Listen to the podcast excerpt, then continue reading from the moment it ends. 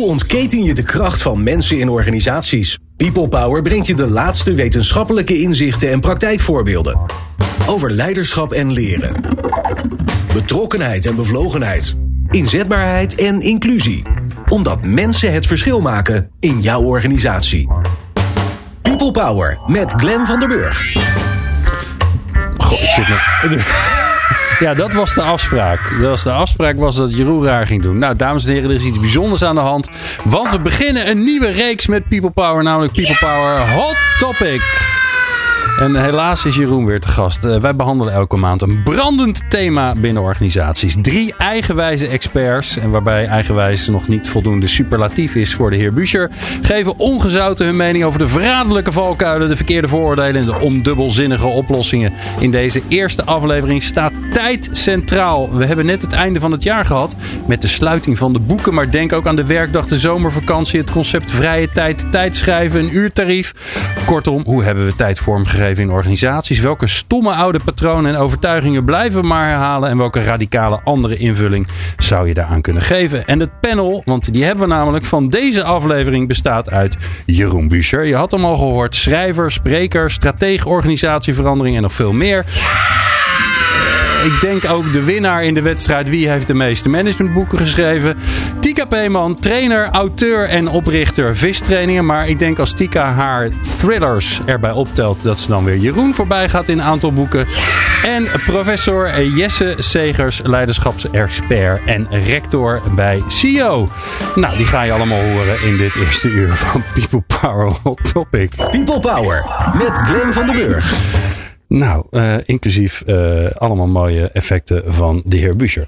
Fijn dat jullie er allemaal zijn. Bijzonder leuk. Uh, wij gaan jullie vaker terug horen. Um, want we hebben een, een, een poeltje van zes leuke experts. Jullie zijn de eerste drie. Maar jullie gaan dus de komende half jaar drie keer terugkomen. Waarvoor nu al mijn enorme dank. Wat on, ongelooflijk leuk is. Um, in dit eerste blokje wil ik het hebben over de maffe, de maffe dingen hebben, de rare dingen. Alles wat we bedacht hebben waarvan we nu eigenlijk denken, waarom is dat eigenlijk zo? Ik ga gewoon bij Tika beginnen. Wat is het eerste waar je aan moest denken? Nou, in, toen ik ging voorbereiden, vond ik het gewoon vond ik het vooral interessant dat we er zo weinig over geschreven en gedaan hebben. Aha. En dat het zo dominant is in bedrijven. Dus ik heb het idee dat het een soort. Uh, we vertalen alles bijna in tijd. Um, Jij ook, denk ik, of niet? Betalen jouw klanten jouw, uh, jouw, uh, jouw, jouw mensen, want je hebt een bureau, betalen ze die in tijd? Ja dat, denk, ja, dat is wel zo. Terwijl we hebben het wel een tijdje anders geprobeerd. Dus veel meer waardebepaling achteraf. Um, maar dat, ja, veel meer op resultaatniveau. Maar dat was nog, nou, of te vroeg of I don't know. Maar, um, dat werkte niet. Nee, toen niet. Hè. Misschien uh, wordt het weer tijd voor een nieuw experiment. Ja, maar te weinig te vinden eigenlijk erover. Nou, ik vond het best wel tegenvallen. Als je kijkt naar de hoeveelheid managementboeken die we produceren. Maar er gaat bijna niks over tijd. Hmm. Terwijl we bijna alles vertalen de hele dag in tijd. En dan het helemaal vol proppen. En mensen zijn belangrijk in organisaties omdat ze heel veel uur maken. Uh, uh, er wordt ook volgens mij heel erg gekeken uh, naar of iets waardevol is, hoeveel tijd eraan besteed is. Ja. Wat vind je het stomste wat we bedacht hebben? Dat je denkt, nou, dat we dat nog doen, dat vind ik echt. Ik, ik, ik, ik weet dat het zo is, maar kan er eigenlijk niet meer bij.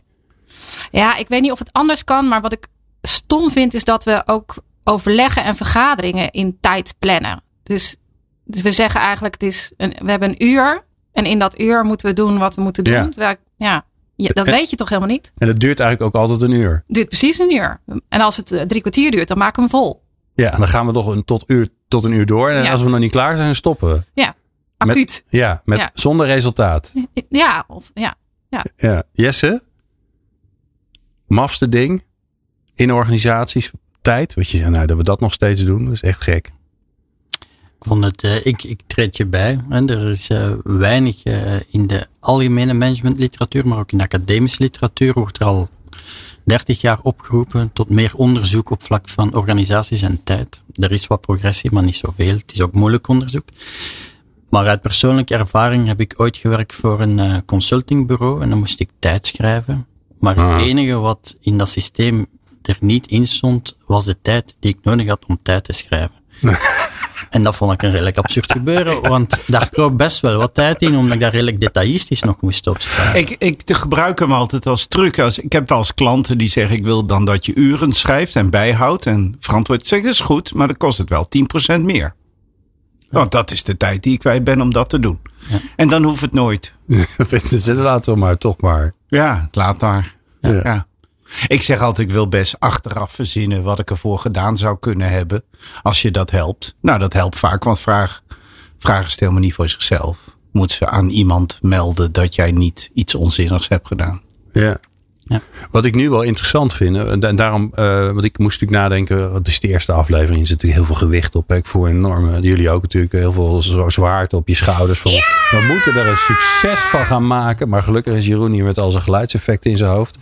Eh, overigens wordt hij daarvoor behandeld. Maar, ehm, eh, het viel eigenlijk een beetje bij mij binnen, omdat we net dat einde van het jaar hebben gehad. Ik had, ik had de laatste, zeg maar, mijn laatste werkzame week heb ik niet zo heel veel opnames gehad, maar wel heel veel voorstellen geschreven. Want het moest allemaal nog even voor het einde van het jaar. En dat is altijd, ik weet niet of jullie dat ook hebben, dat is ook altijd voor de zomer. Dan moet je ook altijd in de laatste week, oh ja, maar we, alsof dan daarna de wereld ophoudt. En ehm, eh, dus daarom dacht ik, dit vind ik een interessant onderwerp.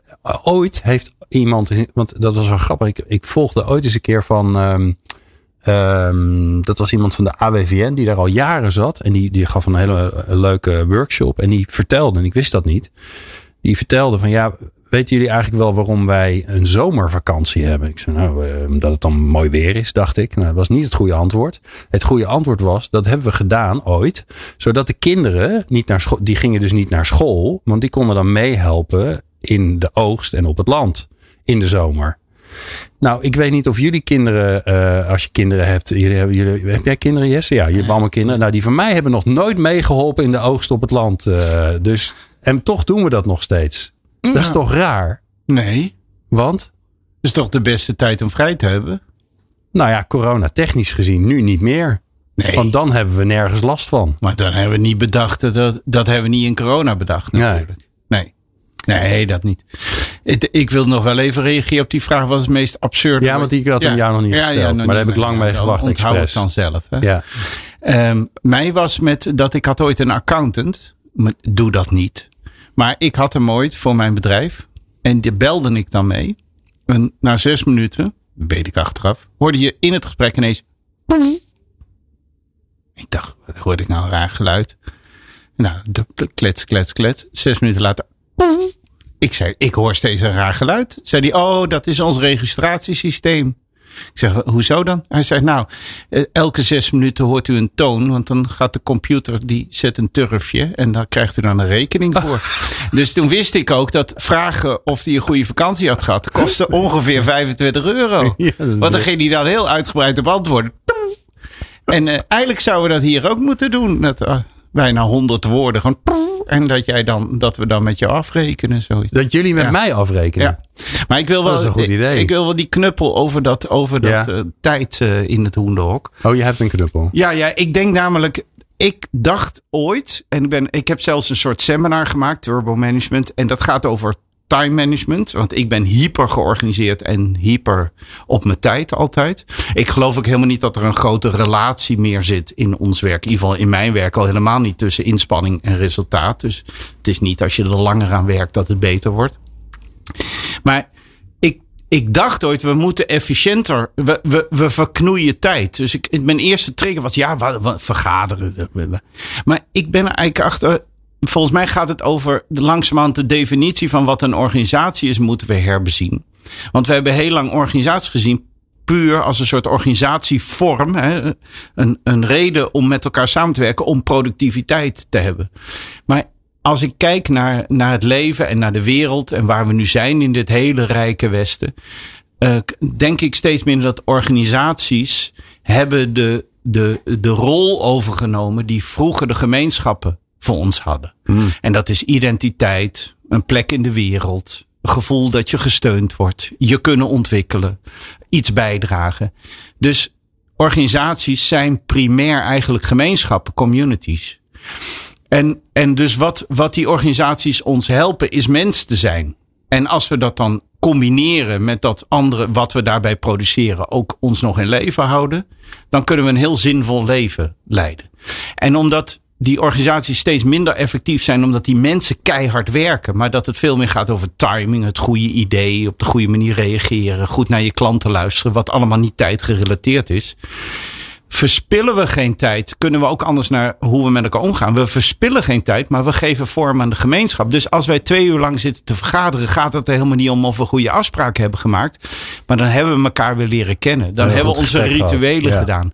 Dus misschien moeten we het hele denken over dat we efficiënter moeten zijn. Gewoon loslaten. We moeten gewoon mens zijn. En in dat mens zijn moeten we wel steeds een oog op de bal houden. En zeggen, ja, maar we, moeten wel ook dan zorgen dat we ondertussen iets nuttigs voor andere mensen doen. Maar daarvoor moeten we in contact treden, elkaar kennen, elkaar een beetje inspireren, dingen van elkaar leren. Maar dat we, we worden als organisatie echt niet beter als we nog efficiënter met elkaar omgaan. Want dan, dan halen we dat eruit wat juist maakt dat we mens kunnen zijn. En dat we daarmee dan ook waardevolle dingen voor andere mensen kunnen maken. Zou je daarmee eigenlijk kunnen zeggen, ik ben wel benieuwd hoe jij daarnaar kijkt, Jesse, hoe je dat, eh, doordat wij tijd, hè, tijd is een schaars goed. Hè, er zijn volgens mij, eh, je kan zo twintig eh, spreekwoorden erover opschrijven wat het allemaal is.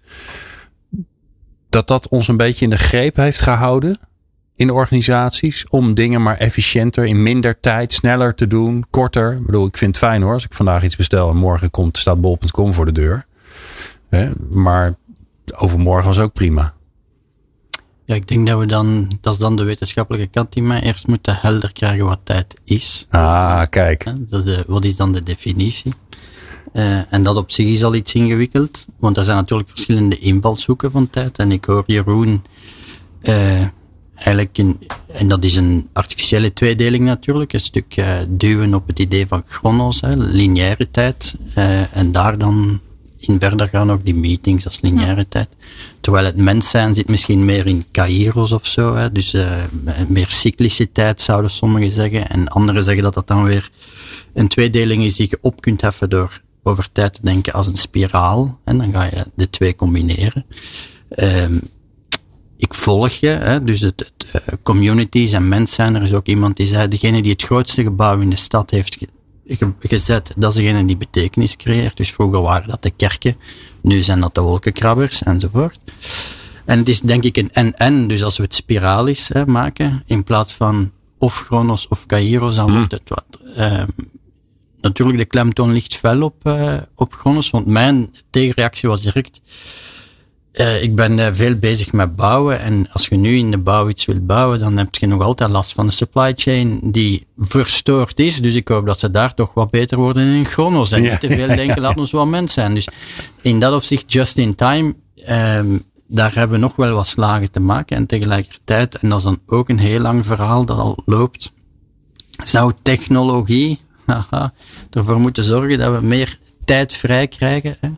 Ehm, voor het Cairo-stuk, voor het mens zijn te voelen, voor de essentie terug op te pakken. En daar zie ik technologie ons eigenlijk niet erg helpen. Of, ehm, Of hoe wij op technologie reageren. ja. Dus dat is, eh, dat is weer heel de, de zoektocht van doen we dat sociaal constructionistisch naar technologie kijken of deterministisch. Het is goed of slecht, beide zijn deterministisch. Dus dat is een, een puzzel op zich. Ehm, maar wat mij nog wel, mijn reflex ook als Jeroen begon, en dat, dat sluit ook aan op wat jij zei. Ik heb een, eh, een doctoraatstudent gehad en die heeft een, eh, een PhD gemaakt op eh, een concept en dat heet entrainment. Had ik ook nog nooit van gehoord tot hij daarmee afkwam. En dat komt eigenlijk een beetje neer op eh, afstemmingsvraagstukken, zelfde ritmes in organisaties zoeken. Het idee, als je zo, een- je hebt soms zo van die balletjes en als die tegen elkaar botsen, op een zeker moment beginnen die op hetzelfde ritme met elkaar. Dat is het idee van entrainment. Ze gebruiken ook vaak Steve Jobs als voorbeeld, omdat die zo die, en die, waar wordt die niet als voorbeeld gegeven bijna, maar goed, ehm, op een zeker moment had hij altijd die hoogmis waar hij iets voorstelde. En heel die organisatie organiseerde zich organisaties zo organisch bijna rond die hoogtepunten. Dat is een soort natuurlijke afstemming. En dat is iets wat ik vaak ontdek, nu ook. Ik zit weer in de, in het, in de maand van terug- en vooruitblikgesprekken.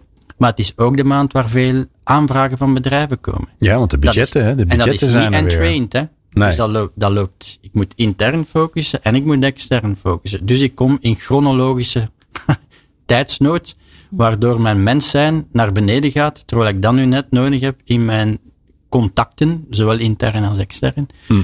Dus in de voorbereiding dacht ik, ja, maar waarom organiseer ik dat altijd in het begin van het jaar eigenlijk, die terug en vooruit? Ik kan dat toch even goed in november doen? Dat was mijn vraag, ja. ja. Dus dat Ja, heeft mij al geholpen. omdat het het begin Waarvoor van het denk jaar is, Glenn, ja. Je mag de factuur sturen. Oh, dat is fijn, ja.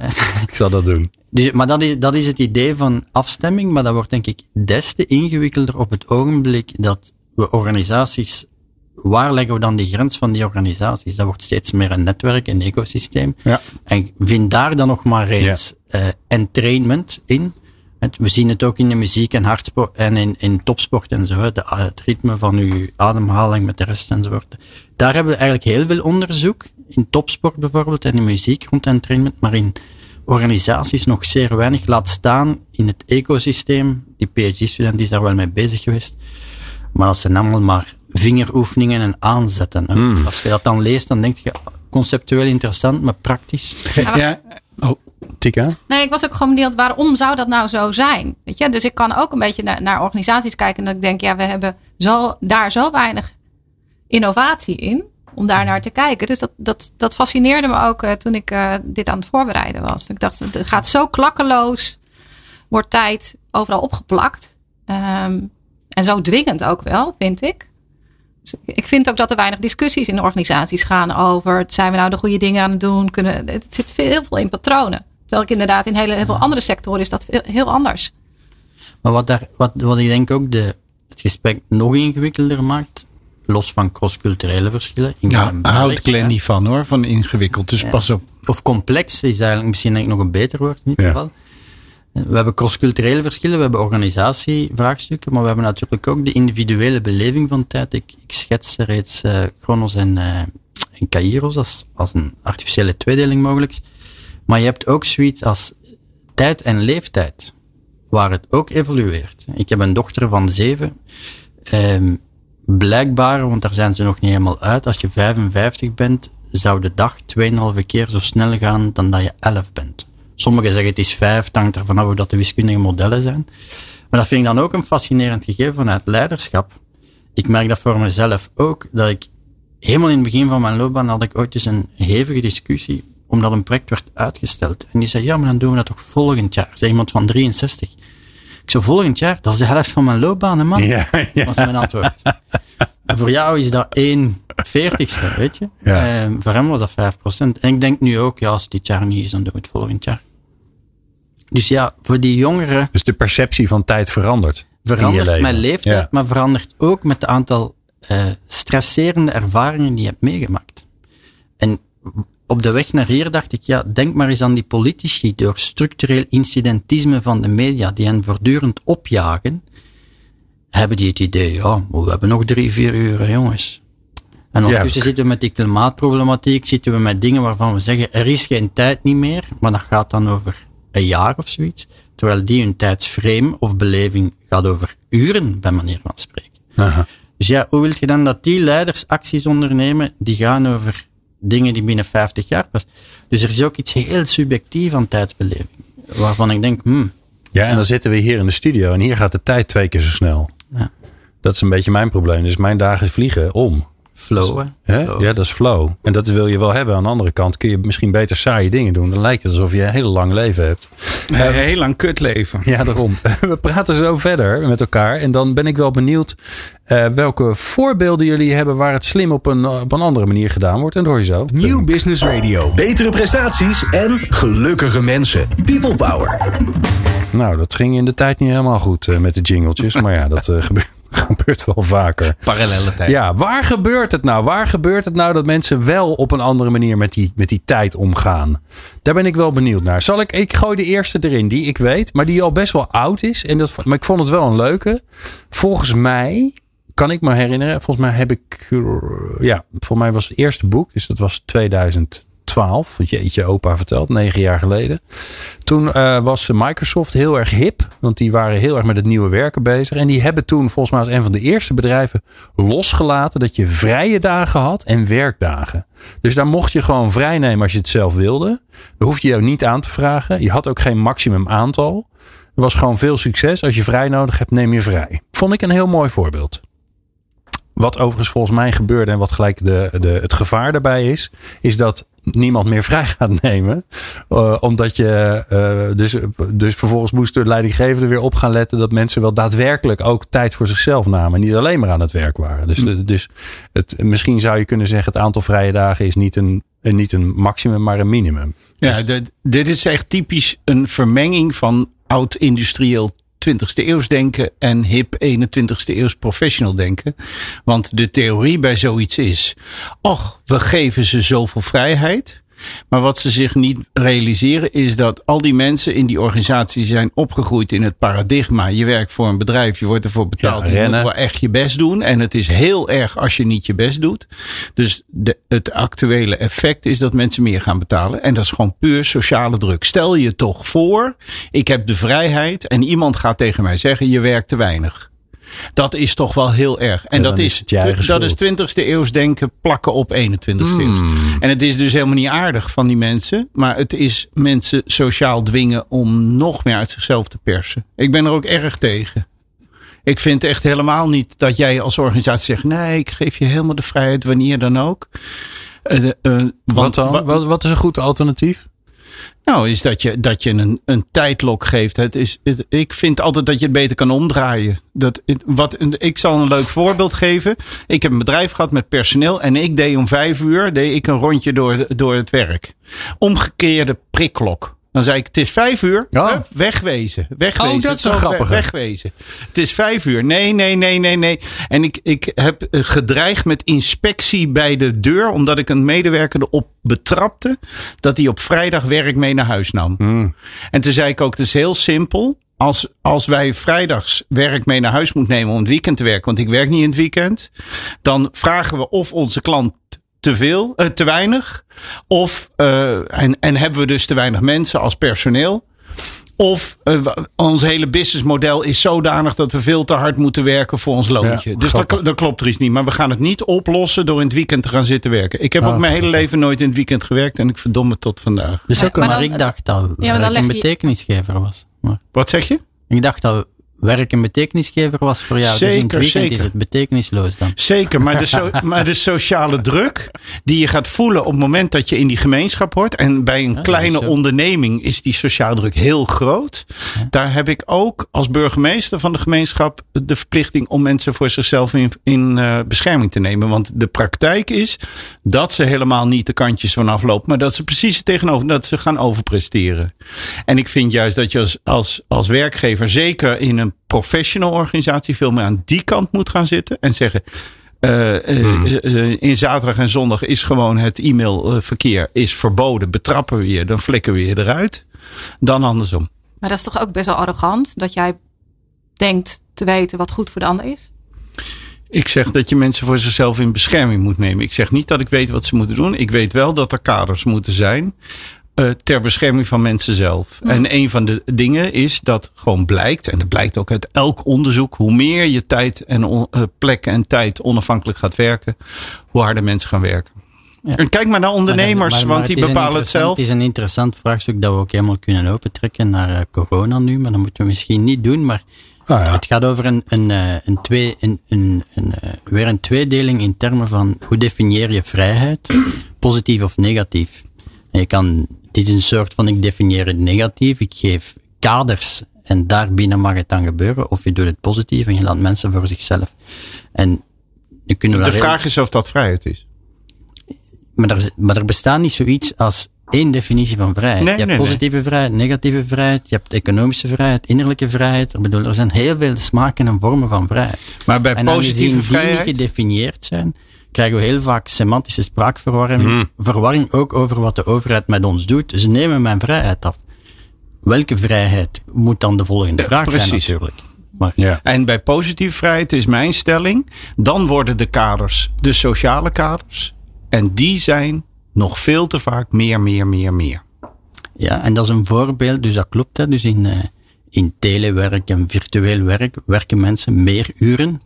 En zeker de plichtsbewuste, dus de hoogconscientieuze mensen werken nog meer uren dan dat ze anders zouden doen. Dat was vroeger trouwens ook een van de criteria vaak, dat de beste mensen wel thuis mochten werken, die daar dan ongelukkiger van werden Ja. trouwens. Omdat ze geen grens niet, of geen eikpunt niet meer hadden hoe dat het met de anderen ging. Eh, En die dat worden zijn- dan ook het voorbeeld. Hè? ja, en dat zijn dus voorbeelden van entrainment opnieuw, waarin dat ze bijvoorbeeld zien dat we ons ook aanpassen aan het tempo van eh, communicatie via e-mails. Dus als jij heel vaak snel reageert op een e-mail, ben ik ook geneigd om snel te reageren. Dan krijg je meer mail. Dan krijg je meer je mail. zegt. En ik heb iemand waar ik nu mee mail vanuit Australië. En dat is om de drie weken dat die pas antwoordt. En ik merk, ja, dat is iemand waar ik niet direct op spring. Want ik denk, ja, dan moet ik weer drie weken wachten. Dus ik wacht ook drie weken. En samen hebben we dus een heel traag gesprek. Ja. Terwijl bij anderen is dat pingpong, hè, dus heel snel. Dat, is- dat zijn op microniveau voorbeelden van entrainment, niet op procesniveau van organisaties.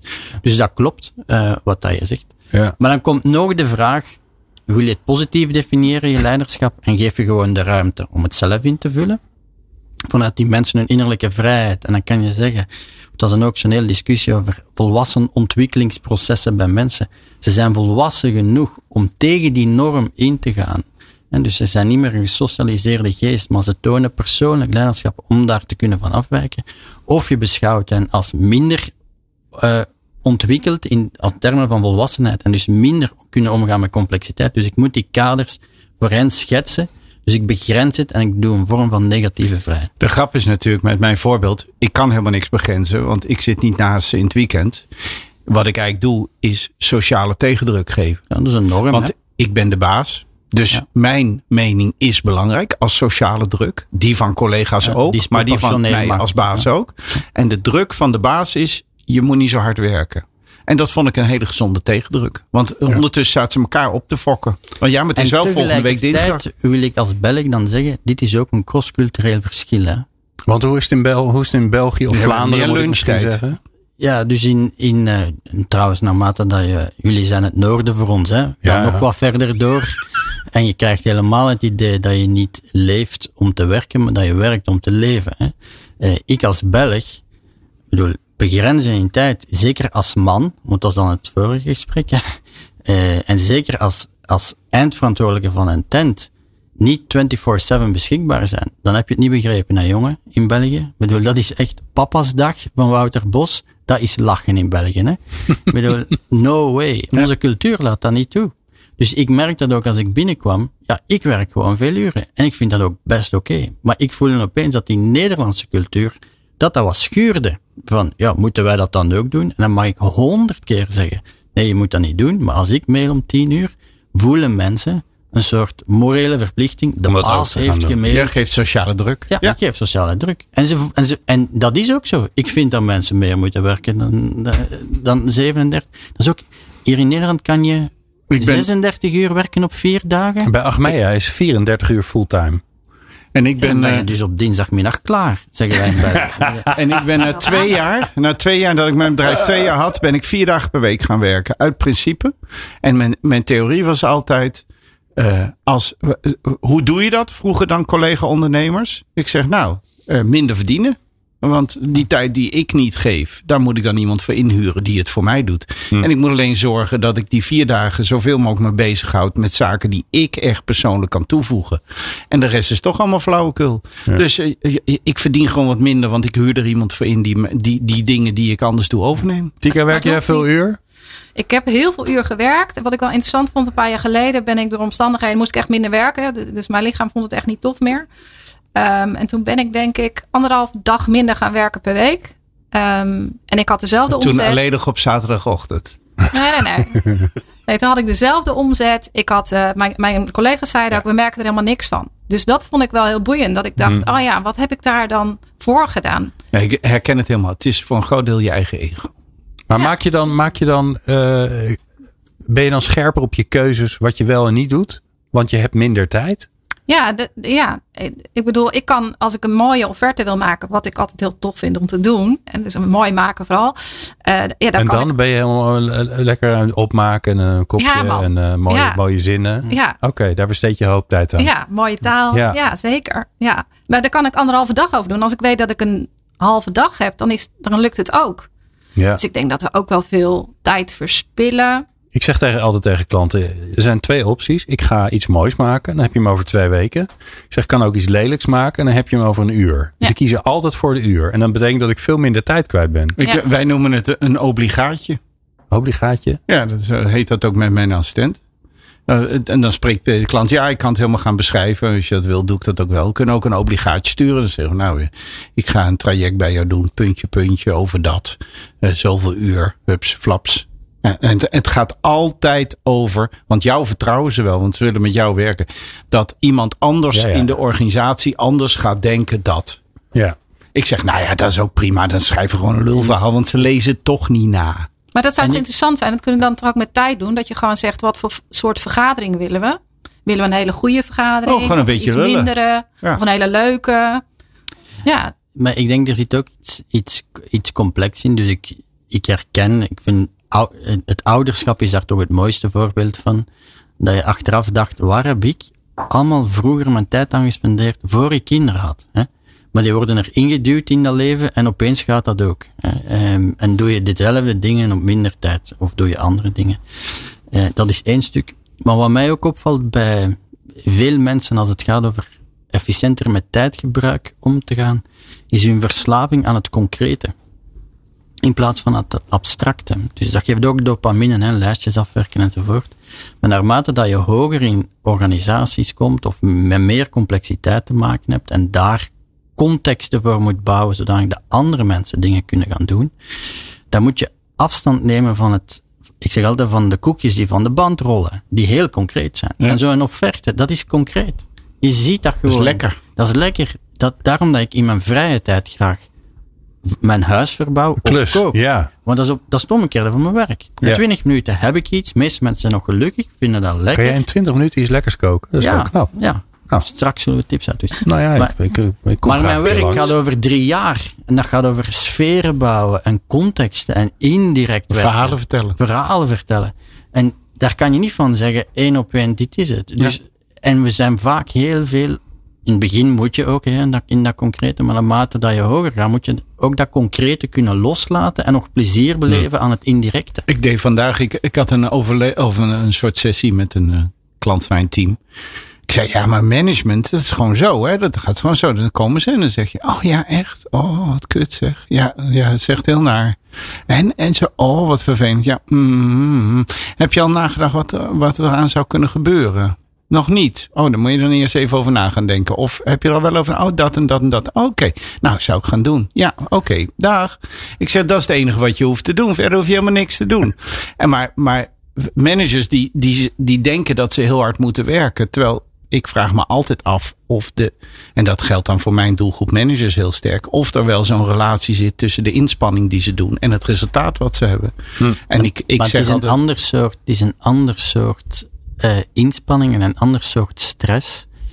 Want ik ervaar, ehm, ik zal, een- je hebt volumestress, dat zit heel vaak ook in dat concrete, maar heel vaak moet ik meer doen als enkel luisteren, maar ook iets creatief. ja, En, en dat is en niet tijdgerelateerd. Nee, maar dat geeft een ander type stress. Want Ja. dan heb je die lummeltijd nodig. Van Ja. achter in je hoofd ben je met van alles bezig. Nou, dan is stress nog meer je vijand. Ja, ja. dat, dat, type volumestress is dan je vijand. Hè? Maar het is niet zo dat je niks aan het doen bent. Hè? Het is creatieve stress. En dat is, een heel an- dat is ook een andere tijdsbeleving dat je dan hebt. en dat- soms krijg je dat niet uitgelegd aan mensen. Maar ik ben me wel, ik heb me wel verbaasd zelf in mijn eigen leven dat wat jij mooi woord, volumestress, in de, het volumewerk wat ik moet doen, hoe weinig het dat eigenlijk van mij afhankelijk was. Dus dat ik heb alleen maar ontdekt dat wat ik dacht dat ik echt zelf moet doen, dat dat echt minimaliseert, minimaliseert, minimaliseert tot absurde kleine dingen.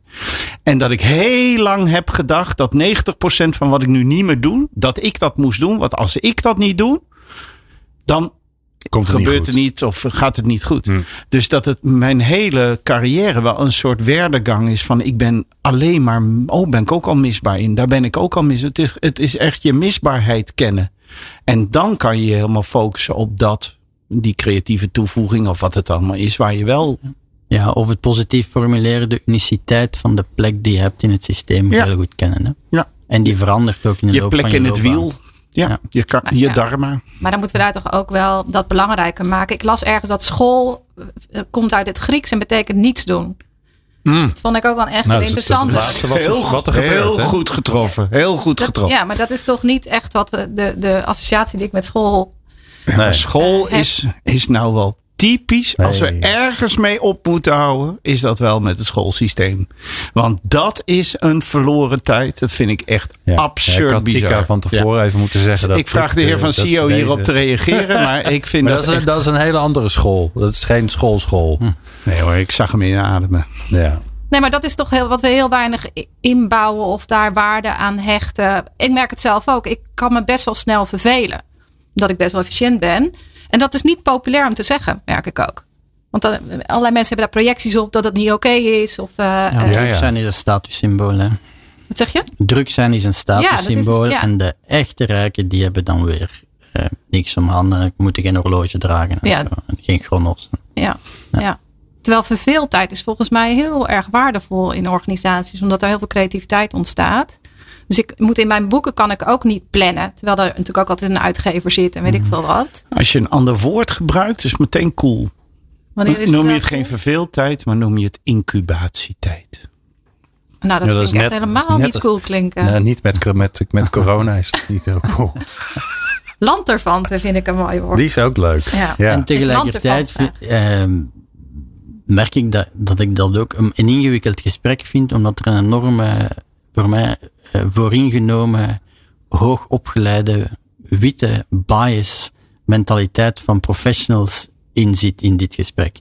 Terwijl ik heb eh, andere familieleden, daar moeten we dit gesprek echt niet voeren. Hè. Ik kan natuurlijk als eindverantwoordelijke van een tent zeggen, ik doe wat ik wil. En, eh, eh, en ik ben professional, ik heb wel klanten. En, en ik kan nog kijken wat een businessmodel ik daarop ga hanteren. En experimentjes. Hè, maar, maar ja, sorry, als je moet gaan werken aan de lopende band, dan is er zoiets als intikken, chronos enzovoort.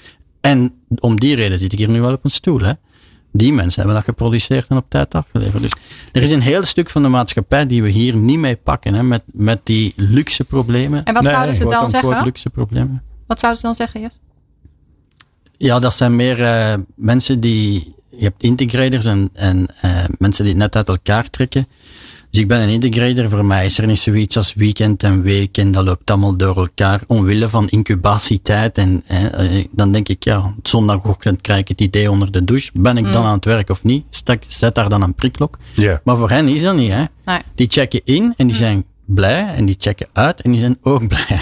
En die willen ook die scheiding hebben. Nou, ik denk zelfs dat het, dat het En dat is ook weer veralgemeend wat ik nu net Nee, maar zei. ik, Absoluut, ik, soms, absoluut. soms denk ik ook wel eens, god, het lijkt me ook wel heerlijk dat je gewoon, dat je werk gewoon aan het einde van de dag, of op dat moment waarop we het afgesproken hebben volgens de Chronos, is het gewoon klaar. Klaar. En, Ik- en, en nou, ik weet niet hoe bij jullie is, bij mij is het nooit klaar, want het gaat altijd door in mijn achterhoofd. Ik, heb, ik ben gezegend met een, met een anekdotische broer. Mijn broer die is precies dat waar mijn klanten bang voor zijn dat er in hun organisatie dat soort mensen rondlopen. Mijn broer heeft geen ambitie. Die gaat 's ochtends naar zijn werk. Die wil gewoon om vijf uur naar huis. Ah, Hij, hij doet ploegendiensten, maar hij wil om vijf uur naar huis. En dan wil hij dat gewoon afgelopen is. Hij is ooit gevraagd of hij in het weekendje eh, de, de mobiel mee kon nemen voor noodgevallen. Die heeft hij na twee weken teruggegeven. Daar had hij helemaal geen zin in. Want dan zat hij het hele weekend dacht hij, ja, direct gaat die telefoon. En eh, die heeft ook nooit ambitie gehad. Eh, Hij heeft geen carrière gemaakt. Hij is in status net zo ver als dat hij was toen hij 50 jaar geleden begon. En ik heb dat altijd als heel inspirerend gevonden. Want precies wat jij zegt, die, die laten we het even wit noemen. Hè, om, om- dat is natuurlijk de meest beschimpte kleur van onze tijd, wit. Maar goed, het, het, het, het, het, het witte gesprek, dat is waar veel van mijn klanten en waar veel organisaties hoog in de markt naartoe bewegen.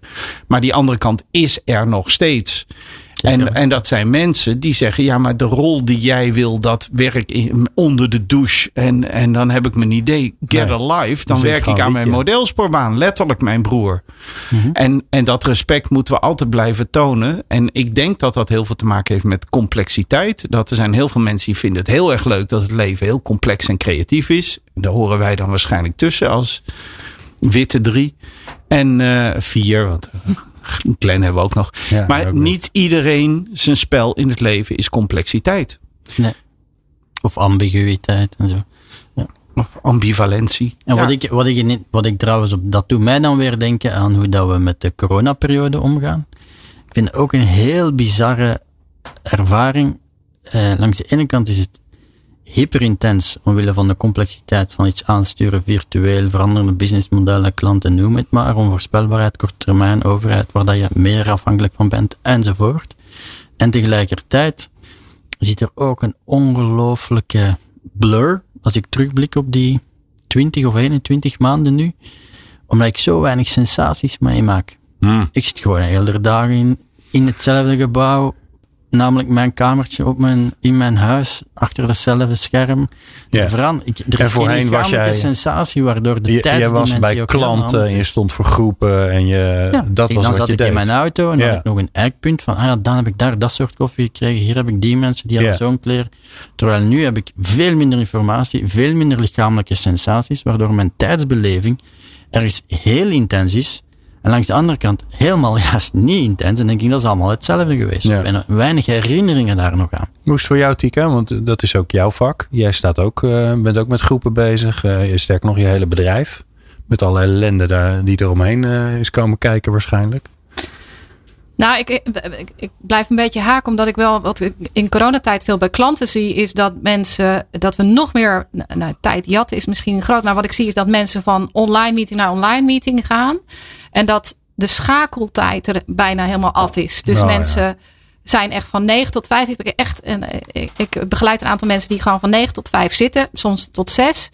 Eh, en die hebben helemaal geen schakeltijd meer. Dus er gaat nog meer creativiteit verloren. Want het moment dat ik naar een, weet je, dat ik even eh, met iemand koffie drink of dat ik even, eh, dat, dat soort momenten zijn er heel erg uit. En ik zie mensen ook echt een beetje afstompen. En ik, wij zien nu ook veel leed in organisaties ontstaan omdat ze elkaar op die manier niet hebben gesproken. Dus er blijft, er komt nu een hoop ellende boven water. Het, het duurt te lang nu. Ja, het duurt te lang. Maar ik vind het ook interessant dat we, dat we heel snel in een nieuw soort patroon zijn gestapt in organisaties. Met dat we dat ook weer helemaal vol boeken. Eh, en dat we, dat we daar helemaal heel weinig creatief hebben over na hebben gedacht. Van kunnen we daar ook anders mee omgaan? We zijn heel snel naar een soort regime gegaan. We, we vergaderen achter elkaar door. Ja. Maar ik vind, dat, Eh. ik vind dat heel logisch, hè? Want, want op een zeker moment was de normale manier van werk eh, organiseren, werd op halt gezet. En dat heeft een kettingreactie teweeggebracht bij klanten die in paniek schoten, waardoor onze business in paniek schiet. En heel snel zijn we heel veel extra werk moeten beginnen doen om dat uit te zoeken, om de dingen gewoon lopende te kunnen houden. Dus je had ook gewoon heel veel tijd nodig om dat te gaan uitzoeken. En dan kan je zeggen incubatieperiode. Dus eigenlijk hopelijk hadden de leiders dan hun, eh, weet ik veel, een trampoline in hun tuin gebouwd Ja. of zoiets. Of een wandelingetje. Of een wandelingetje gemaakt. Dat, Ja. dat werd ook gezegd. Sommigen zijn, ik ben helemaal suf gewandeld ondertussen. Helemaal afgetraind. Ehm, maar ik zie nu, zeker in Nederland, meer een, een, eh, een yo-yo gebeuren. Waarin het wordt dan even op hold gezet. En dan gaat iedereen keihard rennen.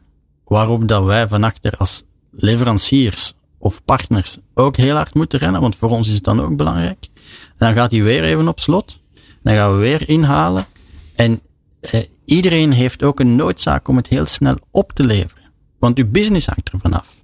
Dus je gaat gewoon rennen, rennen, rennen. En we hebben het nu allemaal al lang uitgezocht. Hè? Dus we switchen gewoon online enzovoort. Ehm, dus ik ben eigenlijk niet verbaasd dat dat patroon zich, zich settelt. Het enige wat ik me afvraag is, als corona ooit mindert, ik zal maar minder zeggen, eh, hebben we ons dan aangepast of zijn we veranderd? Ik ervaar het nu als gewoon een aanpassing telkens. Maar van het ogenblik dat we het loslaten, keren we toch heel snel terug naar, we gaan fysiek op kantoor, we staan weer lekker in de file. Dus het is geen verandering, hè? het is gewoon even aanpassen aan die huidige conditie en dan vallen we terug naar het oude model, in plaats van dat het structureel veranderd is. Al zijn er stukken die ik denk structureel veranderd zijn en zo. We gaan niet meer tot eenmaal in Groningen rijden of die van Groningen niet helemaal meer tot Maastricht voor een intake. Dat doen we dan wel online en zo. Dus ik denk dat dat veranderd is. Maar heel veel van ons gedrag is volgens mij gewoon een tijdelijke aanpassing. Ehm, en ik vind het geen gekke aanpassing zelfs. Ik ga uh, met jullie uh, wel bevinden naar, want uh, de tijd, en dat is wel grappig als we dan over dit onderwerp hebben. Wij leven in Chronos op de radio, want we werken gewoon in uurtjes. Waarom? Dat kan ook niemand mij vertellen waarom we niet gewoon door kunnen. dat doen we toch lekker niet. want ik, ik, hoor Jeroen al zeggen waarom niet. Nee, dat doen we niet. dus ik, ik, nou, heb, ik weet wel waarom niet hoor. Ik heb één minuut voor jullie allemaal om onze luisteraars een, ehm, iets mee te geven. Een tip, iets leuks wat ze ja, rond rondom tijd wat ze zouden anders zouden kunnen doen of niet meer zouden kunnen doen. Dat is de makkelijkste manier van veranderen. Dat scheelt je gelijk weer een hoop tijd. Jeroen, wil jij beginnen? Ja, want ik was in de auto mijn nieuwe vlogs aan het bedenken. En dan kan ik die even oefenen. Ah, kijk, dat is altijd goed. Ja. De minuut gaat nu in. Wat als je het nou eens niet doet? Ik denk me altijd, als ik iets moet doen, dan probeer ik probeer ik, het is lastig, het monster in de ogen te zien en te denken, en wat als, er niet, als ik het niet zou doen? Dan krijg je een argument onmiddellijk. Dus nou, als je dat niet doet, dan gebeurt er dit. En als je dan doorgaat en vraagt, ja, en hoe erg is dat dat dat gebeurt? Dan hoor je snel, ja, maar dat dan kan er dit gebeuren. En als je dat een aantal keer doet, jezelf afvragen: wat is nou eigenlijk de ultieme eh, consequentie als ik iets niet doe? Dat heb ik persoonlijk altijd als zeer verrijkend ervaren. Omdat ik tot mijn verrassing, na die eerste angstargument, als ik het niet doe, dan. Als ik dan zei: ja, oké, en dan gebeurt dat. En hoe erg is dat? Dat ik eigenlijk daarachter heel vaak een hele grote steppen van vrijheid vond. Omdat ik durfde door mijn angst heen mijn eigen aanwezigheid ter discussie te stellen. Of mijn eigen bijdrage ter discussie stellen. En ik gun het iedereen dat je jezelf afvraagt. En stel, ik doe het niet. En dat kan alles zijn. Kan ook naar huis gaan zijn. En wat gebeurt er? En dan hoor je een argument. En ga, kijk dat monster dan eens in de ogen. En zeggen, nou als dat monster op mijn pad komt. Hoe erg is dat eigenlijk? Ik weet in ieder geval dat het voor mij heel vaak een katalysator is geweest om mijn werk bevredigender, mooier en efficiënter te maken. Nou, mooi. Het is jammer dat er geen video was, anders had je nu net je vlog ja, opgenomen. Dankjewel, Jeroen Buescher. Tika Peeman. Je hebt een opname, toch? Jazeker. Ja, ik ben altijd... Volgens mij is het uh, interessant om te kijken... wat is jouw heilige tijd? Dus uh, volgens mij uh, wisselen mensen ook heel erg in... wanneer ze productief zijn of creatief zijn. Uh, en past dat niet zo heel vaak uh, altijd in, uh, in hoe we dat in, organiseren. Um, dus ik zou het fijn vinden, of dat lijkt me mooi als in een organisatie wat meer het gesprek over aangaan. Want het is eigenlijk jouw, jouw mooiste uren of zo. En we steden dat eraan. Hè? Dus ik kan s'avonds heel goed werken. dus ik wilde vroeger bij de politie, omdat ik dacht, dan heb ik een avonddienst. Dat leek me zo fijn. Um, dus en, en dat is in organisaties vaak van 9 tot 5. Terwijl dat, ja, ik zeg altijd, je moet mij nooit inhuren voor een uur of tien. Want er komt gewoon niks briljants uit. Ja, daar hebben we elkaar gevonden, Tika. Ja? Ja. 11 uur. Ik ben er ook mee opgehouden. Ja. 11 uur gaat nog net. Ja. Dus Dat, dat, dat veel meer met elkaar in discussie brengen. En hoe je elkaar dan weer in kan vinden. Ja. Mooi. Jesse Segers. Ik zou iedereen uitnodigen om uh, het adagio haast je langzaam uh, te omarmen.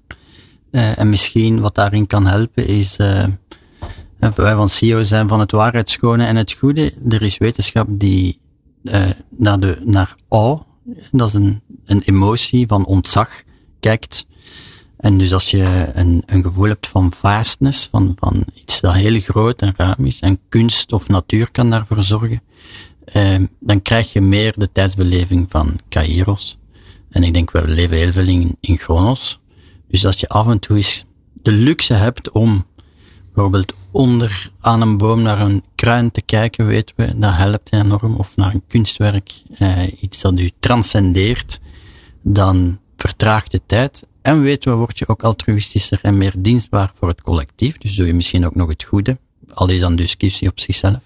Dus haast je langzaam eh, door wat meer naar kunst en de natuur te kijken, als je die luxe hebt.